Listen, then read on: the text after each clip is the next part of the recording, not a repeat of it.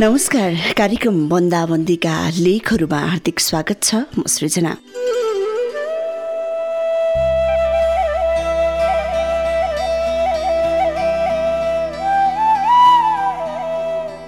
Lockdown corona quarantine नयाँ नयाँ शब्दहरू नयाँ समय अनि नयाँ हाम्रो दैनिकी।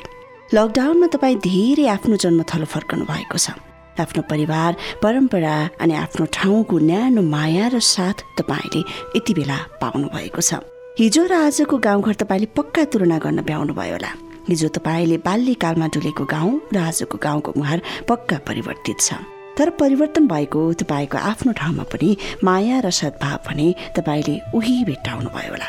कति सम्झनाहरू मानस पटलमा आइरहे होलान् अनि कति पुराना साथीभाइहरूलाई तपाईँले सम्झिनुभयो होला। जे होस् यो बन्दाबन्दीले पुराना यादहरूलाई पनि ताजा गराइदिएको छ। आजको बन्दाबन्दीका लेखहरूमा एउटा लेखसहित उपस्थित भइसकेको छु। आजको लेख मैले लिएको छु। हेर्ने कथाबाट साभार गरिएको हराएका सम्झनाहरूको सम्झनामा शीर्षकको इमान सिंह बटालाले लेख्नु भएको आजको लेख। उहाँको लकडाउन डायरी यसरी सुरु हुन्छ।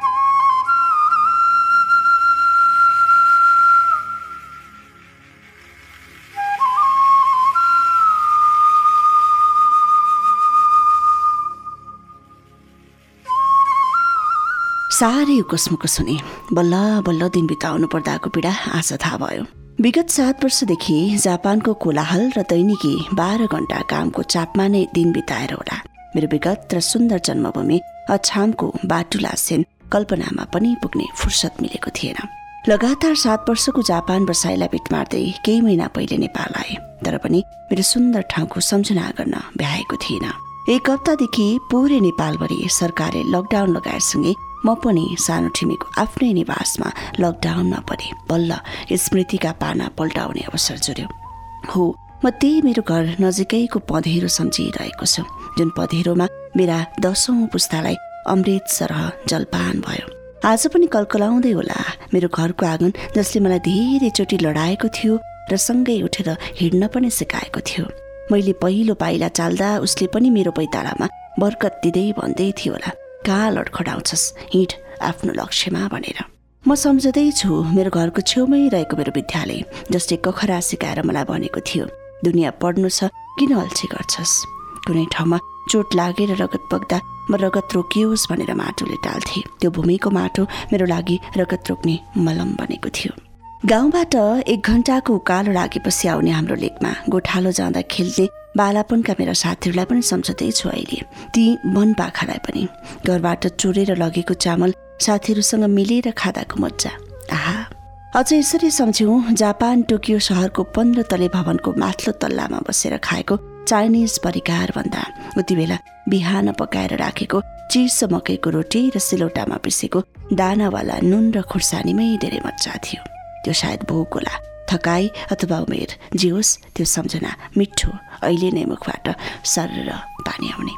म यो मान्दिनँ कि त्यहाँ गरिबी मात्र थियो। भोकमरी थियो पीडा थियो अशिक्षा थियो बेरोजगारी थियो। यी सबका बावजुद त्यही ठाउँमा मेरो दसौँ पुस्ता बचाउने र हुर्काउने मेरो जन्मभूमि थियो। तल जिउलो थियो माथिले। अझ त्यो भन्दा पनि कुनै धनले कुनै कुबेरले किन्न नसक्ने मेरा आमा बुवा थिए मेरा दाई अनि दिदी थिए अनि थियो म जन्मिएको मेरो घर। समयले धेरै टाढा पुर्याइसकेको रहेछ थाहै भएन। मेरो विगत न कसैसँग दाँच्न सकिन्छ न कसैसँग तुलना गर्न नै। दस वर्षको काठमाडौँको बसाई अनि वर्षौँको जापान बसाइले भुलाएको मेरो सम्झना आज ताजा भएको छ। यो सब सकिएपछि म मेरो दसौँ पुस्तालाई पाल्ने जल पिउन कखरा सिकाउने स्कुल हेर्न तलको फाट माथिको लेक घना जङ्गल। मेरो जन्म आँगन टेक्न र मेरो घरको भित्तो सुमसुम्याउन अवश्य पुग्नेछु।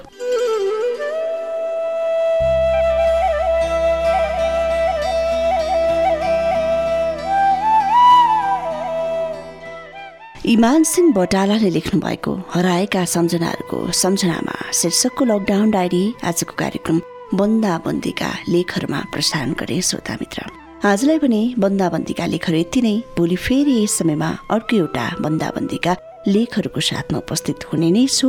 यतिन्जेलसम्म हामीलाई सुनेर साथ दिनुहुने तपाईँ सम्पूर्ण श्रोताहरूलाई विशेष धन्यवाद अनि प्राविधिक मित्र प्रहलादलाई विशेष आभार भन्दै कार्यक्रम प्रस्तुता म सृजना आजको बन्दाबन्दीका लेखहरूबाट विदा हुन्छु। नमस्कार।